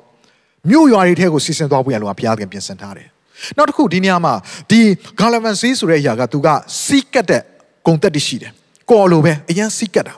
ဆိုတော့သူပါခြင်းအဖြစ် ထည့်ထားတဲ့နော်ဒီပေါဝင်ပစ္စည်းတွေကတစ်ခုနဲ့တစ်ခုပေါင်းဆက်သွားပြီးပေါင်းစီသွားပြီးတလုံးတဝတဲ့တသားတဲ့ဖြစ်သွားတဲ့အရာကိုသူကလှုပ်ဆောင်ပေးတယ်ဒါဆိုရင်ချက်တော်ညီမောင်မတို့သင်နဲ့ကျွန်တော်ဒီဒီလောကထဲမှာရှိခြင်းအဖြစ်မိသားစုတွေကြားထဲမှာရှိခြင်းအဖြစ်အသင်းတော်ကြားထဲမှာရှိခြင်းအဖြစ်တိုင်းနိုင်ငံကြားထဲမှာမြို့ရွာထဲမှာရှိခြင်းအဖြစ်တခြားသောသူတွေရဲ့အသက်တာထဲမှာ ပေါင်းစီပြီးဘုရားသခင်နဲ့ပေါင်းစီလျက်ဘုရားသခင်နဲ့ညီညွတ်လျက်ဘုရားသခင်ရဲ့ကြီးစုတော်ထဲမှာတလုံးတဝတည်းဖြစ်လာသောအခွင့်ကိုရဖို့ရန်လုံကသင်ကိုဒီလောကထဲမှာထားတာဖြစ်တယ်ဟာလေလုယာဘုရားနာမတော်ပုံကြည်ပါစေအဲ့ဒါကယေဘရဟိတ်လောက်ရမယ်အလုတ်တောင်းဝင်ဖြစ်တယ်လုပ်ငန်းတောင်းဝင်ဖြစ်တယ်နောက်ဆုံးတစ်ခုကဘာလဲဆိုရင်လောဘန်စီလောဘန်ဆိုတဲ့ຢာကနော်ဒါပညာရှိသုံးပါရောက်လာတဲ့ခါမှာဒီအာပညာရှိတွေကယေရှုခရစ်တော်မွေးဖွားတဲ့အချိန်မှာရောက်လာတဲ့ခါမှာပါလာတဲ့ပစ္စည်းတစ်ခုဖြစ်တယ်လောဘန်စီရဲ့အတိတ်ပဲကမူရင်းအတိတ်ပဲက purity and white ဖြူစင်တယ်တန်ရှင်းတယ်အဖြူရောင်ဖြစ်တယ်ဆိုတဲ့အရာကိုဖော်ပြတယ်ဒါဆိုရင်ဆူတောင်းတော့သူရဲ့အသက်တာမှာကျမ်းစာထဲမှာဘာပြောလဲဆိုရင်နော်မိမိအဖြစ်ကိုနော်ဖွက်ထားတော့သူကချမ်းသာရမရဘူးတဲ့ပေါ်ပြတဲ့သူတောင်းပန်ဝင်ချစွန့်ပစ်တဲ့သူကဂိူးနာတော့ခံစားရမယ်ကောင်းကြီးကိုခံစားရမယ်အဖြစ်ရမယ်ဒါကြောင့်သင်ဒီဆူတောင်းတော့သူကသင်ဆူတောင်းချက်ကိုဆူတောင်းနေပြီမဲ့သင်သက်တာထဲမှာအဖြစ်ကိုဖွက်ထားတယ်ဆိုရင်မဖြောင့်မတ်ဘူးမတန်ရှင်းဘူးဆိုရင်သင်ရဲ့ဆူတောင်းချက်ကအဖြစ်ရမှာမဟုတ်ပြန်ဘူး ခုနဟာတွေတော့ပြည့်စုံပါရဲ့ဒါပေမဲ့နောက်ဆုံးလောဘန်စီသင်အသက်တာတော့မရှိဘူးဆိုရင်တနည်းအားဖြင့်ဖြူစင်ခြင်း righteousness တန်ရှင်းခြင်းဖြောင့်မတ်ခြင်းမရှိဘူးဆိုရင်အပြစ်ကိုဖွက်ထားတယ်ဆိုရင်သင်ဆူတောင်းချက်အပြည့်မရနိုင်ဘူးဒါဆိုရင်ကျွန်တော်ကျွန်တော်တို့ဘာလုပ်ဖို့လိုရလဲဘုရားခင်ရှိမှမှာအပြစ်တောင်းပန်ခြင်းဝင်ချတောင်းပန်ခြင်းတွေကငါဒီခရစ်တော်ရဲ့အသွေးတော်အပြင်တန်ရှင်းတော်သူဖြစ်တယ်ဖြောင့်မတ်တော်သူဖြစ်တယ်ဆိုတော့မိမိကိုယ်ကိုမိမိဝန်ခံသဘောတူလျက်ဘုရားခင်ရှိတော်မောက်မှာ သင်ရဲ့အပြစ်ကိုဖော်ပြဝင်ချစွန့်ပစ်လိုက်တဲ့ခါမှာသင်ရဲ့ဆူတောင်းချက်ကအရှိန်ပါလာတယ်တကူပါလာပြီးတော့မှနမိတ်လက္ခဏာကိုဖြစ်စေတယ်ညီကောင်မတို့တောင်းခြင်းကနတ်တာပေါင်းကဲ့သို့သောမှွေးသောယနံရှိတယ်မှွေးသောယနံရှိတယ် prophetic စာအုပ်တွေမြောက်များစွာရေးတဲ့ဆရာကြီး James ကိုเนาะသူရဲ့တတိခံချက်တစ်ခုထဲမှာကျွန်တော်ဖတ်ရတဲ့အရာတစ်ခုကဘာလဲဆိုရင်သူရဲ့မိတ်ဆွေเนาะ Jackie Plengar လို့ခေါ်တဲ့မိတ်ဆွေတယောက်ကသူကအမျိုးသမီးဖြစ်တဲ့ British အာလူမျိုးဖြစ်တယ် သူကဟောင်ကောင်မှာနေတယ်အမှုဆောင်တယ်အဲ့တော့ဟောင်ကောင်မှာသူရှိတဲ့ချိန်မှာသူလူတယောက်နဲ့တွေ့တယ်သူ့နာမည်ကအေလီလို့ခေါ်တယ်အဲ့ဒီအေလီဆိုတဲ့လူတယောက်ကသူကကျန်းကျန်းကန်တွေကိုလေးလာနေတဲ့သူတယောက်ဖြစ်ဒါပေမဲ့တရက်တော့အာနော်သူသူမလုပ်တဲ့အမှုကိစ္စအပြင်သူကြောက်ချခံရပြီးတော့မှထောင်ထဲကိုရောက်သွားတယ်သူလုပ်တဲ့အမှုရမဟုတ်ဘူးသူဆွဆွဲခံရပြီးတော့မှထောင်ထဲကိုရောက်သွားတယ်ဖြည့်ရှင်းလို့မရအဲ့တော့ဒီထောင်ထဲရောက်တဲ့အခါမှာဒီအမျိုးသမီးကနော်ဂျက်ကီကသွားပြီးတွေ့ဆုံတယ် သူကမယုံကြည်သူဖြစ်တယ်အဲ့ဒီအေလီကသူမယုံကြည်သူဖြစ်တဲ့သူတယောက်ကိုသူသွားပြီးတော့တွေ့ဆုံပြီးတော့ဘုရားသခင်ရဲ့သတင်းစကားကိုပြောတယ်ဒါပေမဲ့သူလက်မခံနိုင်ဘူးအဲ့တော့သူဘာပြောလဲဆိုတော့အာညီကိုရေအေလီရေမင်းတွေငါတို့ဆူတောင်းပေးမယ်ဘုရားဦးနေ့ညတိုင်းမှာအမေရိကန်နိုင်ငံမှာရှိတဲ့ယုံကြည်သူတွေ UK နိုင်ငံမှာရှိတဲ့ငါရဲ့မိတ်ဆွေယုံကြည်သူတွေကတင့်အတွက်ဆူတောင်းပေးပေးမှာဖြစ်တယ်အဲ့တော့မင်းတို့ငါတို့ဆူတောင်းပေးနေတယ်နော်လို့အားပေးပြီးသူပြန်လာခဲ့တယ်သူသွားတွေ့ရပြင်ပြန်လာခဲ့တယ်အဲ့တော့အဲ့နောက်ပိုင်း तू မလာတော့ဘူးနော် အချိန်တော်တော်ကြာ तू မလာဘဲနဲ့နေလိုက်တယ်အဲ့တော့တရက်တော့ဘာဖြစ်လာလဲဆိုတော့သူတို့ဒီအလီရှိနေတဲ့ယုံထဲမှာဒီအလီရှိနေတဲ့ထောင်ထဲမှာတစုံတစ်ခုသောအနက်ရလာတယ်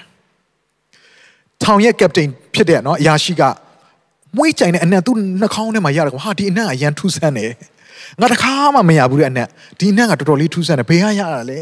လိုက်ရှာတယ်တခမ်းပြီးတခမ်းလိုက်ရှာတယ်တနေရာပြီးတနေရာရှာလိုက်ရှာတယ်အဲ့ဒီအနက်ရှိတဲ့တလျှောက်ကို तू လိုက်ရှာရင်လိုက်ရှာနောက်ဆုံးမှာဘယ်နေရာမှာသွားပြီးအဲ့နက်ကထွက်နေလဲဆိုရင်ခုနအလီရှိတဲ့အခန်းထဲမှာထောင်ခန်းထဲမှာသွားပြီးတော့မှအဲ့အနက်ကိုရတယ်ဒီနေရာကပဲထွက်လာတာသိကြတယ်အဲ့တော့အလီကိုပြောပြတယ်ဟေးမင်းအခန်းထဲကနေအနက်နေထွက်နေတယ်အယံမွေးတဲ့အနက်ထွက်နေတယ်မင်းဘာတွေသုံးနေလဲဟာကျွန်တော်ဘာမှမရပါဘူးကျွန်တော်ဘာမှလည်းမသုံးပါဘူးအဲ့ဒီထောင်မှုကလိုက်ရှာတယ် မကျေနပ်နိုင်ဘူးလိုက်ရှာတယ်အနက်ကမွေးနေပဲဘာမှမတွေ့ဘူးသူထွက်သွားတယ် အလီကလည်းစဉ်းစားတယ်ဟာဘလို့ဖြစ်လို့ငါငါနေရငါအခန်းထဲကနေအနက်မွေးကြိုင်နေအနက်နေရထွက်နေတာလေ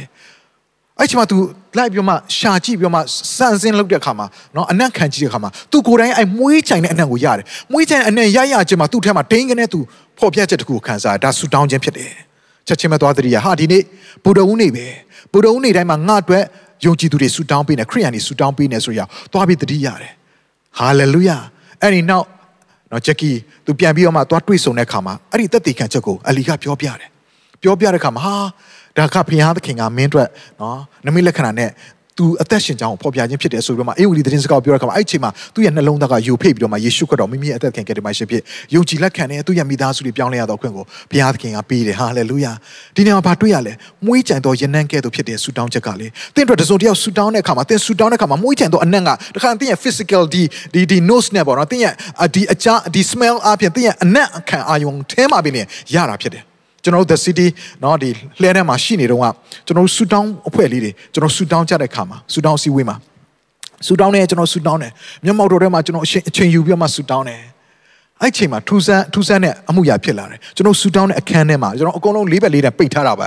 အဲ့ထဲမှာဘသူကမှဝင်မလာဘူးဘယ်လူတယောက်ကမှဝင်လာတာမဟုတ်ဘူးဒါပေမဲ့အယံမွေးကြိုင်တဲ့ရနန်းကထွက်လာတယ်ရင်မွေးတွေထက်เนาะဒီပန်းပွင့်ရရတဲ့အနံ့တွေထက်တစုံတစ်ခုမွေးကြိုင်တဲ့အနံ့ရတယ် အဲ့တော့အားလုံးကအဲ့နဲ့ရတာနဲ့ချက်ချင်းဘာကိုသိလဲဆိုတော့ဘုရားခင်ရှေ့မှာမှာရှိတဲ့ဒါနတ်တာပေါင်းပူဇော်ရာ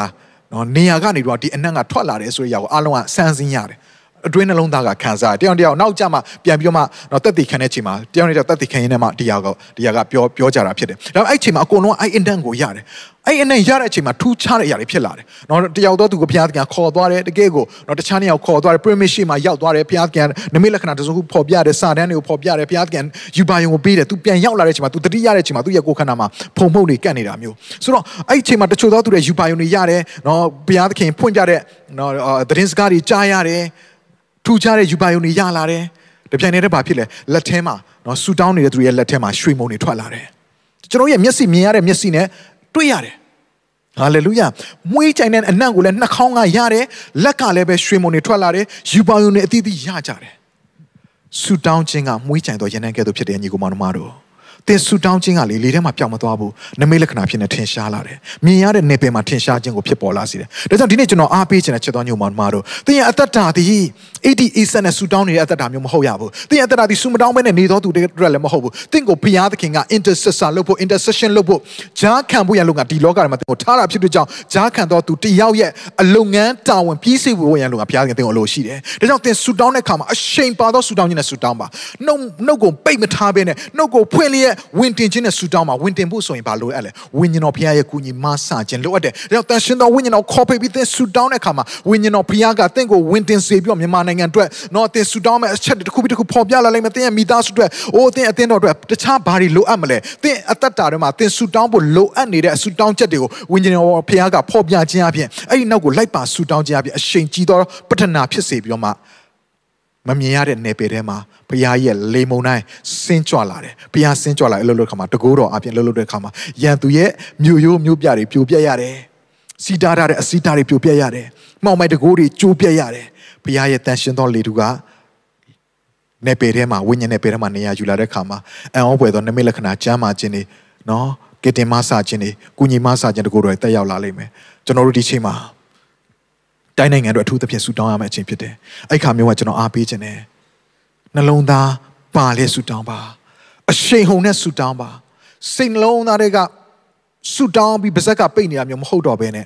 အပြင်းထန်ဆူတောင်းမယ့်အချိန်ရောက်နေပြီညီကောင်မတို့ပြင်းပြင်းထန်ထန်ဆူတောင်းမယ့်အချိန်ရောက်နေပါပြီဒါကြောင့်ရှိတဲ့အရက်မှာမြန်မာနိုင်ငံအတွက်တင့်ရဲ့လူမျိုးတွေအတွက်ဒီတိုင်းနိုင်ငံအတွက်ဘုရားကဖွင့်ပြတဲ့အရာအတွက်ဆူတောင်းရအောင်ဆူတောင်းရအောင် အရှိန်ပါသောဆူတောင်းခြင်းမျိုးနဲ့တကူပါလဲဆူတောင်းရအောင်ဟာလေလုယာကျွန်တော်ယုံကြည်တယ်ယနေ့မှစပြီးသင်ရဲ့ဆူတောင်းခြင်းအပြင်ဘုရားခင်ဒီမကြခင်မှာအံ့ဩပွေသောအပြောင်းလဲတွေလုပ်လိမ့်မယ်အံ့ဩပွေသောနမိတ်လက္ခဏာတွေလုပ်လိမ့်မယ်အံ့ဩပွေသောကယ်တင်မဆာခြင်းယေရှုတော်ကမြန်မာနိုင်ငံမှာတက်ရောက်လာမှာဖြစ်တယ်ဟာလေလုယာဘုရားနာမတော်ဘုန်းကြီးပါစေကျွန်တော်ဒီချိန်မှာအတူတကွဘုရားခင်ရှေ့မောက်မှာသင်ရဲ့အသက်တာကိုပြင်ဆင်ရအောင်ဂျားခံတော်သူယေဘရဟိကဲ့သို့သင်ရဲ့အသက်တာကိုပြင်ဆင်ရအောင်ဒီနေ့နှုတ်ခွက်တော်အပြင်ကျွန်တော်ဒီညမှာခွန်အားပေးခြင်းတယ်ခဏလောက်ဆူတောင်းခြင်းတယ်အဖဖျား ဒီနေ့ကိုရောဖျားရှင်ဖွင့်ပြတော့နှုတ်ခွက်တော်အတွက်ဂျေဇုတော်ကိုချီးမွမ်းပါတယ်ယုံကြည်သူတယောက်ချင်းစီတဲ့အသက်တာထဲမှာအမှုမဲ့အမှတ်မဲ့နဲ့နေတာမျိုးမဟုတ်တော့ဘဲနဲ့ယယေဘရဟိတယောက်ကဲ့သို့ဝင်တင်ခြင်းအဖြစ်လူနှစ်စုရဲ့ကြားထဲမှာဘုရားသခင်နဲ့တိုင်းနိုင်ငံကြားထဲဘုရားသခင်နဲ့လူမျိုးတွေကြားထဲမှာယက်တည်လျက် ဒီနေ့ကိုရရှိမောင်မှာအရှိန်ပါသောဆူတောင်းခြင်းနဲ့တကူပါသောဆူတောင်းခြင်းနဲ့ဆူတောင်းနိုင်ဖို့ရလို့ကသားမတို့ကိုဒီနေ့နှုတ်ကပတ်တော်ဖော်ပြသောကြောင့်ကြီးစွာကိုချီးမွမ်းပါတယ်။တန်ရှင်သောဝိညာဉ်တော်ဖျားကိုရောသားမတို့ရဲ့အသက်တာထဲမှာနေရာပေးပါတယ်။ဒီနေ့ယုံကြည်သူ online မှာကြည့်ရှုနေတဲ့မိသားစုတယောက်ချင်းစီတိုင်းအသက်တာထဲမှာဝိညာဉ်တော်ဖျားသည်ကိုကြီးမဆာခြင်းအပြင်အိုး ADA ဆက်ဖြစ်နေတဲ့နှလုံးသားတွေပြန်လဲပြီးတောက်လောင်လာလျက်အိုးဝင်တင်လာလျက်ပူဆွေးလျက်ကြေကွဲလျက် ပြင်းထန်သောနှလုံးသားနဲ့အိုးအသင်းအတန်ဆူတောင်းတက်တော်သူများအရှိန်ပါသောဆူတောင်းခြင်းမျိုးနဲ့ဆူတောင်းတက်တော်သူများဖြစ်စေဝင်လောကိုတော့မဆပါမိကြောင်းလက်တော်ရဲ့အနံပါတယ်လေမုန်တိုင်းကဲ့သို့သောကိုရောဖျားသခင်သည်ကိုရောဆင်းကြွပြီးလှုပ်ရှားတဲ့ရက်တိုင်းမှာအိုးလေမုန်တိုင်းသည်တက်ရောက်တဲ့ကဲ့သို့ဒီနေ့ကိုရောဖျား ဒီမြန်မာနိုင်ငံပေါ်မှာကိုရောဖျားရှင်သည်ဆင်းကြွလာတဲ့အခါမှာလေတူထဲမှာအိုးစီတာထားတဲ့အရာတွေရန်သူရဲ့မျိုးရိုးမျိုးပြတဲ့အားလုံးယခုပင်လည်းပျက်စီးပြီဖြစ်ကြောင်းယေရှုနာမနဲ့ဝန်ခံတယ်ယေရှုနာမနဲ့မိန်ပေးတယ်ယေရှုနာမနဲ့ကြွေးကြော်တယ်ဟာလေလုယာဒီနေ့ကိုရောဖျားအတားစီတဲ့အားလုံးမှောင်မရဲ့တကူမှောင်မရဲ့မျိုးမျိုးပြတွေကိုကိုရောဖြိုဖျက်လျက်ကိုရောရဲ့အတန်ရှင်းတဲ့နိုင်ငံတော်တည်ထောင်ပါမိကြောင်းသာဆုတောင်းပါတယ်ဖဖျားယေရှုတော်ကိုချီးမွမ်းတယ် ဒီနေ့ဒီနှုတ်ဘတ်တော်အပြင် online မှာကြည့်ရှုနေသူတယောက်ချင်းချင်းအသက်တာမှာမျိုးစေ့ကြလျက်ကိုယ်တိုင်ကိုကြဂျားခံဆူတောင်းတော်သူရဲ့အသက်တာဖြစ်သို့ခြေလန်းလှမ်းပြီးတက်ရောက်နိုင်သောခွင့်ကိုပေးပါမိကြောင်းလက်တော်တဲ့အနံပါဝိညာဉ်တော်ဖျားသည်ဆက်လို့ရလမ်းပြလျက်နားလည်နိုင်သောဉာဏ်ပညာနဲ့ကိုရောဖျားရှင်အိုးဥဆောင်ပြီးတဲ့အိုးသူတို့ကိုကိုရောဖျားအသက်တာထဲမှာပြုပြင်တိဆောက်ပေးခြင်းရှိပါမိကြောင်းလက်တော်တဲ့အနံပါတယ်ဘုန်းကြီးပါစလို့ဝန်ခံနေဂျေဇုတော်ကိုချီးမွမ်း၍တပါးရောသားတော်ယေရှုခနာမှာပြန်ဆူတောင်းစက္ကန့်နှမှာဖပါဗျာအာမင်ရောက်ချင်းစတဲ့ဖျားရှင်ထူကောင်းချီးပေးပါစေ ဒီအစီအစဉ်လေးအပြင်တင်းရဲ့အသက်တာမှာကောင်းကြီးဖြစ်မယ်ဆိုတာကိုကျွန်တော်ယုံကြည်ပါတယ်ဗီဒီယိုကြည့်ပြီးခံယူလို့သူများအတွက်အပတ်စဉ်တရားဟောခြင်းများ Bible Study